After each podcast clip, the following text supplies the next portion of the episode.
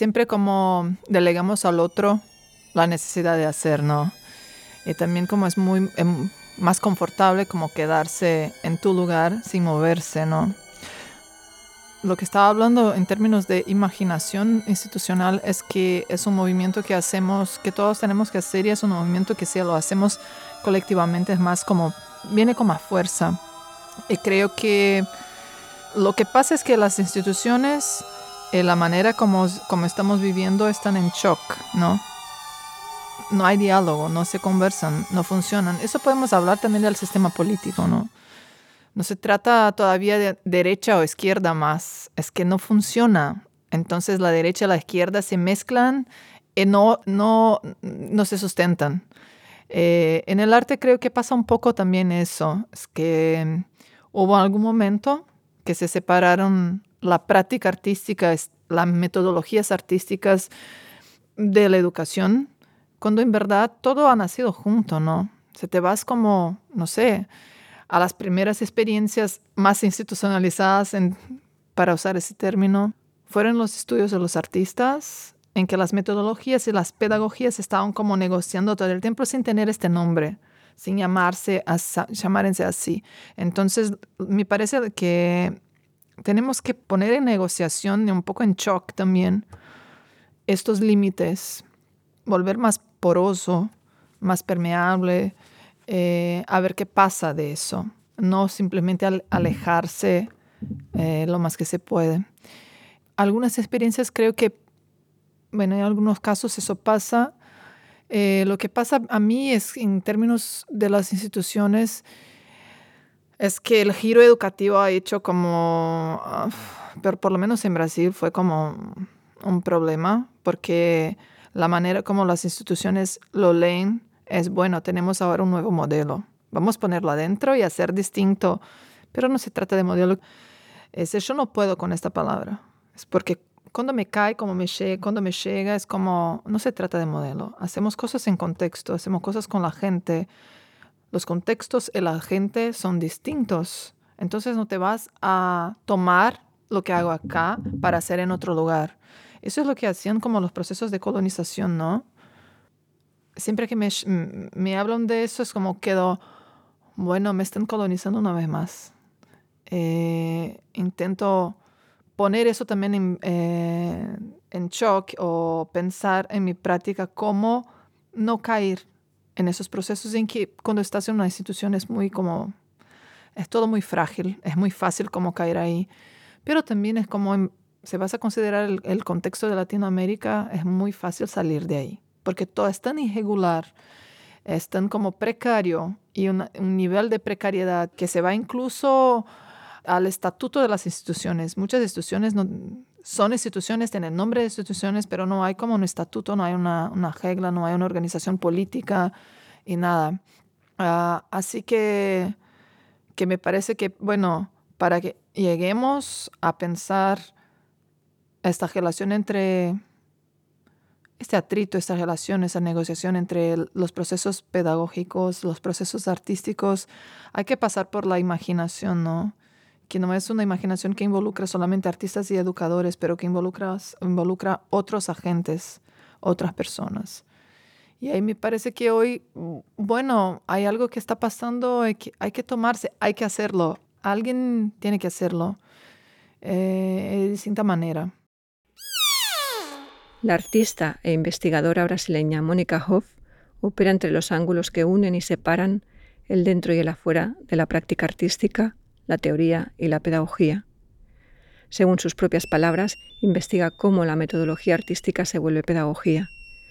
Y desde este incierto triángulo de las Bermudas observa con recelo cómo el giro educativo comenzó a pensarse como modelo tan pronto Cristina Lipodevska lo puso en negro sobre blanco en el artículo A Pedagogical Turn, Brief Notes on Education as Art, publicado en el año 2007. Ya sea desde su experiencia en la Bienal do Mercosur de Porto Alegre, como coordinadora del programa de educación, como en propuestas como la Escuela Extraordinaria de Desterro o la Surf School, etc., o proyectos tan diminutos que ni siquiera se mencionarían en su currículo.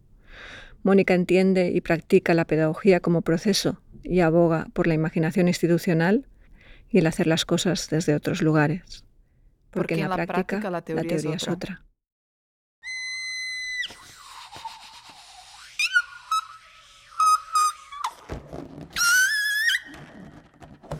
Hablamos con Mónica Hoff de dadaísmo epistemológico, pedagogía en público, instituciones que aprenden, el disenso como estrategia para generar movimiento y pensamiento, escalas, micropolítica, grietas en las que ocurre todo, ir lento e incluso parar. ¿Por qué no creo los modelos? Entonces para mí está como ya se rompió. Creo que lo que hacemos son ejercicios, ¿no? Es que si te piensas que generas modelos, generas modelos para quién? Para un otro. ¿Para qué generar modelos para el otro? O sea, lo que tienes es lo que está ahí. Cuando empiezas a generar modelos o preocuparse en generar modelos, a mí me parece que sale de la cosa más como fundamental, que es pensar tu contexto, es tu relación con estos lugares. En el caso, por ejemplo, de la, de la Bienal de Mercosur, hubo casos, situaciones en que me, me invitaron eh, y yo percibí que querían un modelo. Eso está pasando ahí. Miren cómo, cómo es interesante. Y yo pensaba, sí, eso está pasando allá. Es algo de ahí y solo va a pasar ahí. No va a pasar en otro contexto. Te puede mirar, encantar, pero no te va a explicar eso. Te va a pensar otras posibilidades para el tuyo, pero no son modelos. Y a mí me parece, bueno, aquí hay problemas en Latinoamérica, hay un montón también son distintos, solo eso. No es mejor o peor, son distintos. Y creo que estamos viviendo una vez más una crisis de institución, ¿no? Fuertísima, así como... Y obvio que el arte se va junto, se va a meter en eso. Al mismo tiempo, eso como, si ya la vivimos en otros tiempos, ya, ya sabemos, ya, tengo, ya tenemos como una memoria de eso. Entonces podemos hacer distinto.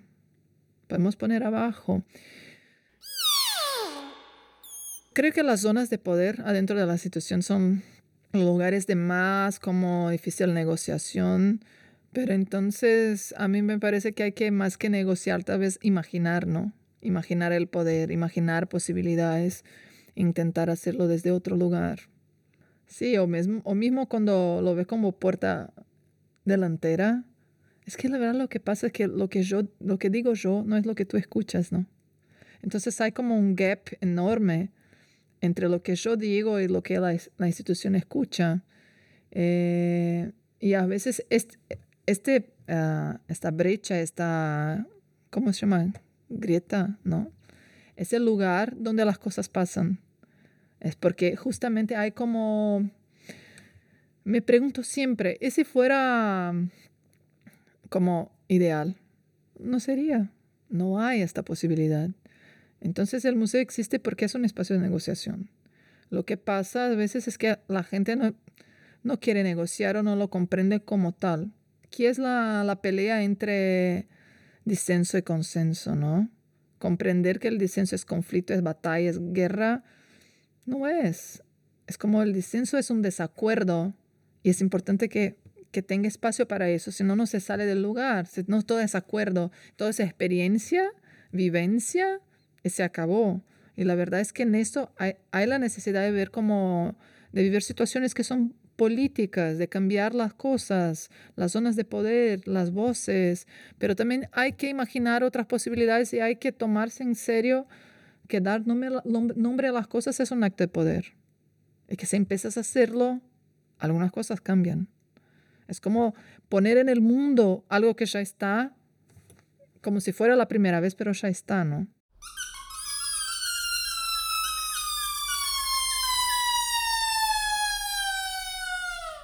El anarquismo epistemológico es un término que ya como, que en verdad tampoco es anarquismo epistemológico, hay una pelea en este término también, que ha inventado un filósofo austríaco llamado Paul Feyerabend. A él propio no le gustaba el anarquismo epistemológico, que era como la gente lo identificaba. Prefería dadaísmo epistemológico.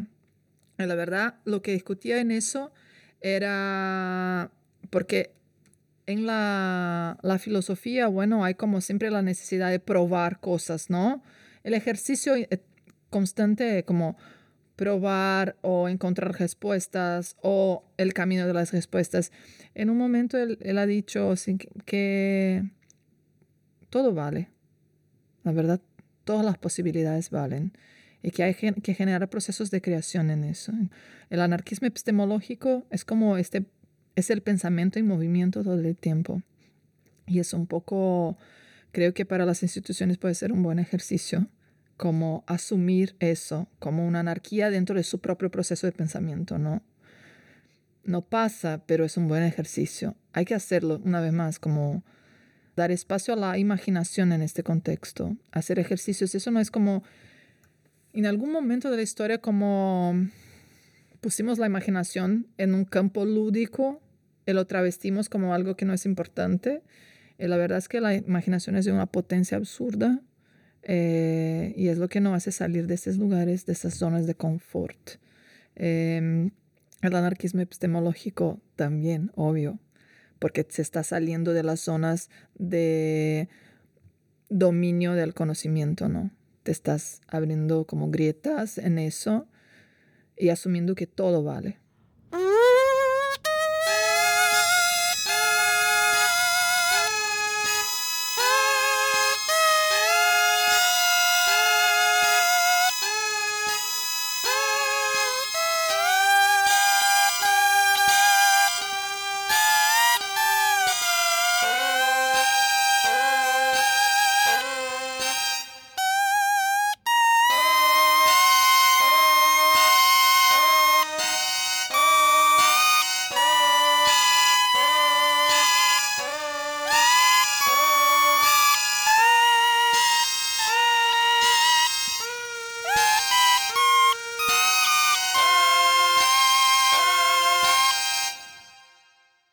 Creo que hay como un par de cosas. Estoy pensando en términos de la Bienal, que es de la institución, ¿no? Eh, cómo se ha pasado ahí el anarquismo epistemológico o eso como más como ejercicio. Eh, creo que ha pasado como de distintas, de distintas maneras. Una de ellas es pensar que el arte está donde aparentemente no está. La otra es que la mediación no es representación la otra que la pedagogía es como transitiva, transitoria, ¿no? O no es pedagogía, porque es proceso. Cuando tú dices que algo es educación, ya no es más, ya pasó, porque te puso algo, un modelo. En la educación, la verdad es que es un proceso político. Cuando la, cuando la ah, encaja en un modelo, ya no es más. Es como, se vuelve como una pedagogía, una metodología, pero no es el proceso. Entonces, el anarquismo epistemológico, como en mi práctica está muy presente, en no tener las cosas siempre listas, en que una se va como moviendo a la otra. Es, es casi una contrametodología, ¿no? La idea de escala humana, yo siempre me acuerdo de un comentario que me hizo Marina De Caro, que es una artista argentina, cuando llegó en 2009 para asumir la curaduría pedagógica de la Bienal. Y me miraba eso y dijo, pero ¿por qué? 150 mil personas, no podemos hacer para una. ¿Por qué en Brasil todo tiene que ser tan grande? Eso, eso me, como me ha tocado un montón. Eh, desde ahí entonces empecé también a, mirar los procesos adentro de la Bienal como desde otro lugar. Y cuando, obvio, cuando eso salió, cuando salí de la Bienal, como intenté como comprender mi práctica, que ya no era más como la jefa de educación que se involucraba con eso, con aquello, bueno, concebiendo los programas, era cómo iba yo a concebir mis programas más allá de la institución, ¿no? Eh, qué metodologías, qué discursos estaban ahí. Y de alguna manera creo que solo fue posible por cuenta de la Bienal porque por más que, ah, que el número, que los números de la Bienal parezcan, parezcan tremendos, teníamos como una relación muy directa con la gente, con la comunidad, entonces siempre me, me ha parecido como una escala humana, era lo que está ahí. Eh, lo que cambió fue que me fui como a pensar proyectos, eh, tal vez desde otro punto de vista, ¿no? Como ejercitar metodologías, estar con grupos más chicos, experimentar eso. Y un en especial los encuentros en tropicales que fue como, yo les podría contar, en verdad los podía contar o no. Yo los conté y cuando los conté los legitimé como un proyecto de arte, ¿no? Pero podía ser como encuentros, cenas en la casa de alguien. La cuestión es que como discutimos un montón sobre eso, qué era, qué queríamos hacer. Y queríamos justamente hacer un proyecto que no era para un montón, pero que era para seis personas, tres invitados, nosotros tres. Intentar discutir sobre una palabra, intentar trabajar en una micro, micro, micro política y ver qué iba a pasar con eso. Súper experimental. Eh, pero también como el interés en poner en público, ¿no? Hay un término que un artista brasileño lo ha utilizado para escribir un proyecto que era un espacio autónomo. Es, es que ahora el nombre del espacio. Era como una pedagogía en público. Y un poco lo, es, es como me muevo para pensar estos programas, ¿no? Y creo que tiene, hay mucho que ver con la idea también de anarquismo epistemológico. Es algo que está en público, que está por bajar todo el tiempo, que está por mover, que es hecho para que se pueda refutar. Entonces es, es como no tener confianza. Es al mismo tiempo no es, llevar todo en serio. Es siempre como estar moviendo eh, y pensando que las cosas pueden ser un poquito distintas. Entonces siempre me estoy siempre preguntando, ¿y si pasara distinto? ¿Y si no fuera así? ¿Y por qué hacer para millones? ¿Y por qué no hacer para un? ¿Y ¿Cuál es el problema de hacer alrededor de una palabra? ¿Por qué no comemos? Entonces es un poco ponerse en, en contramétodo, ¿no?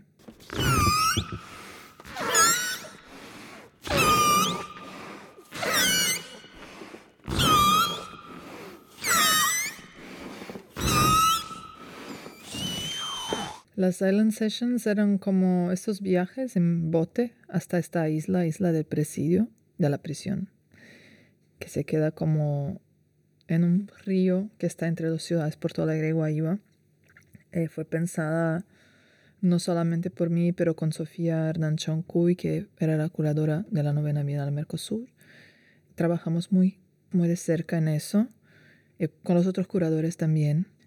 Eh, eran como esas salidas mensuales, cada una con una palabra, un tema, en verdad, alrededor de la idea de isla, y que tenía un grupo de personas para hablar. Y obvio, hubo como un montón de críticas, porque como no era para todos, era solo para 18 personas por mes.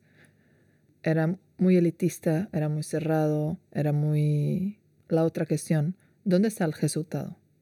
¿Qué se hacen ahí? Eso pasaba tanto con quien no iba como con quien estaba ahí, ¿no? ¿Qué hicimos nosotros? ¿Hablamos? ¿Para qué? Yo creo que hay cosas que solo elaboramos mucho tiempo después. A veces llevamos una vida entera. A veces elaboramos como de pronto. Eh, hay cosas que a mí me pasaron, me tocaron mucho tiempo después. Y por eso hablaba por ejemplo, hoy por la mañana de la intuición, que la intuición es salvaje, es que es importante como creer en ella, ¿no? Porque la intuición es, no es neoliberal. Ella va en contra, ella va a, otro, a otros niveles, como la imaginación, más que la creatividad, que es como está muy bien marcada, ¿no? En, en las silent sessions ha pasado de todo, obvio, porque te estás como moviendo, saliendo de tu lugar, perdiendo tiempo, al mismo tiempo ganando tiempo para hacer nada. Te están pagando para hacer nada. Eh, puedes escribir lo que quiera. No es un ensayo de 150 palabras, 70 palabras, 200 palabras. No. Si quieres decir hola, puedes escribir. Si te quieres quedar callado todo el tiempo, puedes quedar. Entonces era como poner un bote en el mar, ¿no? Era en el río. Eh, un día entero en la institución, obvio no lo comprendía. Y hubo una, una publicación que se, después se, bueno, se cayó, ¿no? Porque se fue la plataforma online, se fue la, estos comentarios, pero creo que es necesario hacerlo. Y voy a como a, volver a, los encuentros en tropicales. El primer que hicimos, que ya llamado Lento, teníamos como un artista invitado, Carlos Asp. Es un artista brasileño eh, que se mueve muy lento. Él dijo, eh, llegó, se quedó en el sofá como casi durmiendo y dijo, este es para mí, es porque yo soy lento. Y la verdad es que para ser, en el, en el mundo que estamos, de este neoliberalismo tan como eh, loco, eh, acelerado, resistir no es ser más rápido, más veloz, es ser lento. Tenemos que ser suficientemente plutonianos, nos dijo él. Y está cierto, ¿no? Hay que parar para hacer otras cosas o nada, porque quedamos todo el tiempo como con una agenda, cumpliendo las cosas, yendo y viniendo. Buenísimo, nos da como muchas ideas para otras cosas, pero no sabemos más qué hacer con nada, ¿no? Así con, con el tiempo cuando lo tenemos o cómo no preencherlo, cómo no llenarlo. Las silent sessions pasaron por eso, en alguna medida para algunas personas quedó como muy elitista porque no cambian todos, no era comunitaria, ¿no? Eran como, hicimos invitaciones a un par de personas, como unas 200 personas al total, pero se iban en una sesión cada uno de ellos.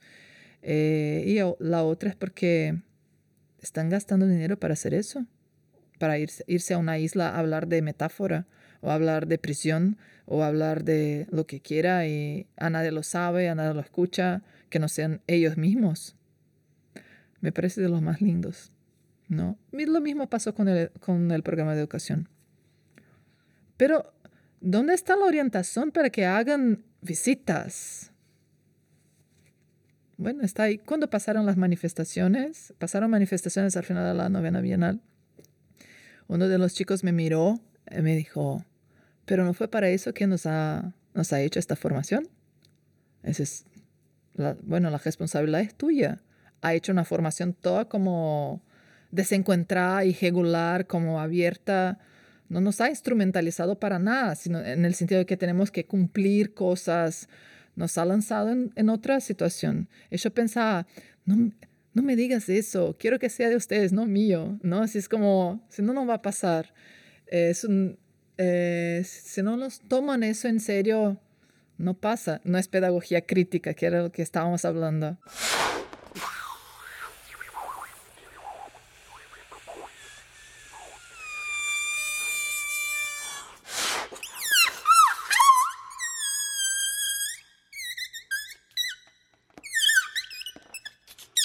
Porque no te puedo decir, por ejemplo, bueno, me, voy más allá de las instituciones. No, me voy, está todo adentro, ¿no? Estamos metidos en eso hasta, hasta la cabeza. pero también me parece que, por otra parte, es la precariedad que tengo en Brasil se vuelve confortable para pensar otros, nos pone como de toque a pensar otras posibilidades, ¿no? Más allá del neoliberalismo o de esas estructuras que están muy bien marcadas.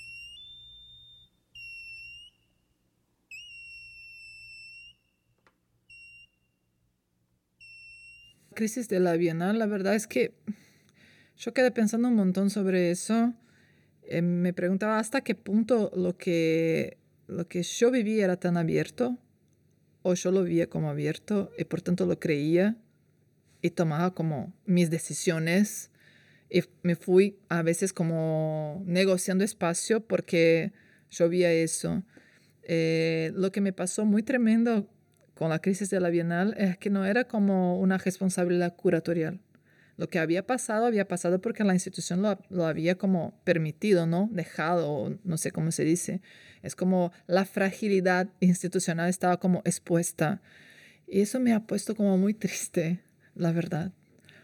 Y no por la institución, pero por las personas que estaban ahí y que quedaran ahí. Eh, eh, por darme cuenta que si yo estuviera ahí, tal vez no eh, haría esta, como esta vuelta, ¿no? De pensar distinto.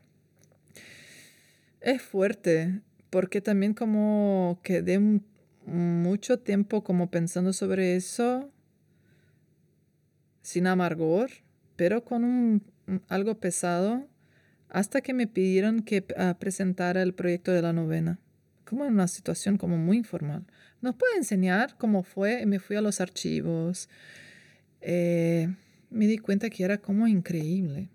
Me fui como volviendo a cosas así y me di cuenta que sí, hay un montón de cosas que he creado yo, pero en mi cabeza, pero hay cosas que pasaron muy lindas y que yo no tenía ni idea porque las fui a elaborar mucho tiempo después. No sé, no tengo tanta tristeza en relación a eso. No quiero que se acabe, no se va a acabar, creo.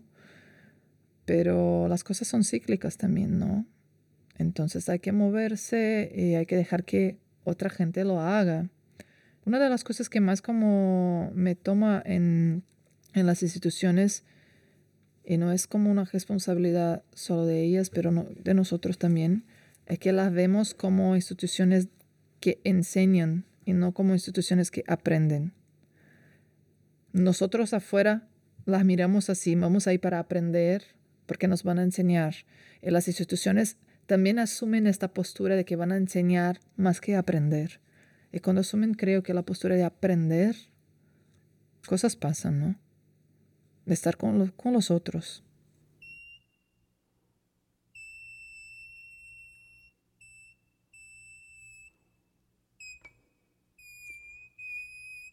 La verdad que el giro educativo fue como fue mi, tema de, de, maestría, ¿no? ¿Por qué? Porque todo lo que se pensaba sobre giro educativo empezó a publicar y a bueno, volverse público en el mismo momento que la Bienal pasó por un giro que a mí me parece más que educativo epistemológico, como de lógica, de lógica de cómo, de, de cómo se construye a sí misma eh, la Bienal Mercosur. Entonces empecé como a estudiar, a intentar entender cómo el giro educativo se podía como comprender desde Brasil. Y la verdad es que no se puede. No importamos términos, ¿no? Las cosas se viven distintas. Es un fenómeno muy bien marcado. Eh, donde ha pasado yo tengo muchas críticas. Y Brasil como que ha hecho, las instituciones lo importaron como modelos. Pero eso también las instituciones en Europa lo hicieron, ¿no? Hay como, para mí el giro educativo hay dos, pero por lo menos, tal vez podemos hablar en tres momentos, pero por lo menos hay dos.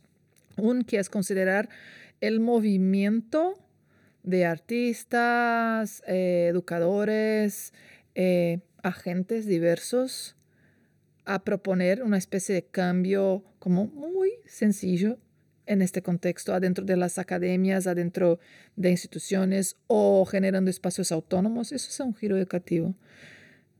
El fin de los 90 a, los primeros años de 2000. En 2006 para 7, entonces pasa la manifesta, pasa el primer texto de Cristina Lipodesva, e, empiezan a darle nombre a eso. Y cuando le dan nombre, lo institucionalizan y se vuelve otra cosa.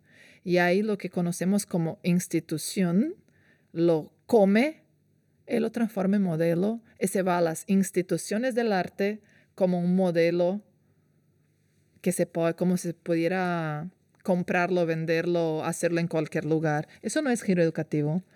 Giro educativo, bueno, de verdad involucra a un contexto a una situación que es, que es tuya, ¿no? Los, hablar en términos generales a mí no me, no me pasa, no me da. Yo creo que lo que estamos viviendo ahora con las escuelas es sí un giro educativo. A mí me encantaría pensar que las ocupaciones de las escuelas pueden ser una idea de escuela de arte que vamos a tener en el futuro ahí sí hay un giro, porque no es hecho por las instituciones, por nosotros directores, nosotros parará, nosotros curadores, nosotros ahí que estamos armando. Está hecho por la sociedad, como se está moviendo todo, se está rompiendo todo, nos está moviendo un modelo de programas y actividades, que es lo que ha pasado en general. Bueno, el arte todo se come, ¿no? El tiempo entero. pasa ahora, ¿no? Con Tropoceno. ¿No te da ganas? A mí me, va a la mierda. Tengo un montón de amigos metidos en eso. Y, digo metidos en eso porque parece un movimiento. Ay, no puedo. Entonces vamos a hacer como una, un posgrado en antropoceno, curating, eh, no sé qué. Ahora esta exposición es para hablar del fin del mundo. Entonces, en los, los últimos dos años, todas las bienales, todas las exposiciones, el futuro, el futuro, el futuro, el mundo se está acabando. Es que, que va a la mierda, ¿no? Porque todo se vuelve modelo, todo se vuelve como una tendencia, todo se ha comido por el neoliberalismo, bueno, que está en las entrañas del mundo del arte. Y no me puedo con eso. Me quedo cada vez más chiquita.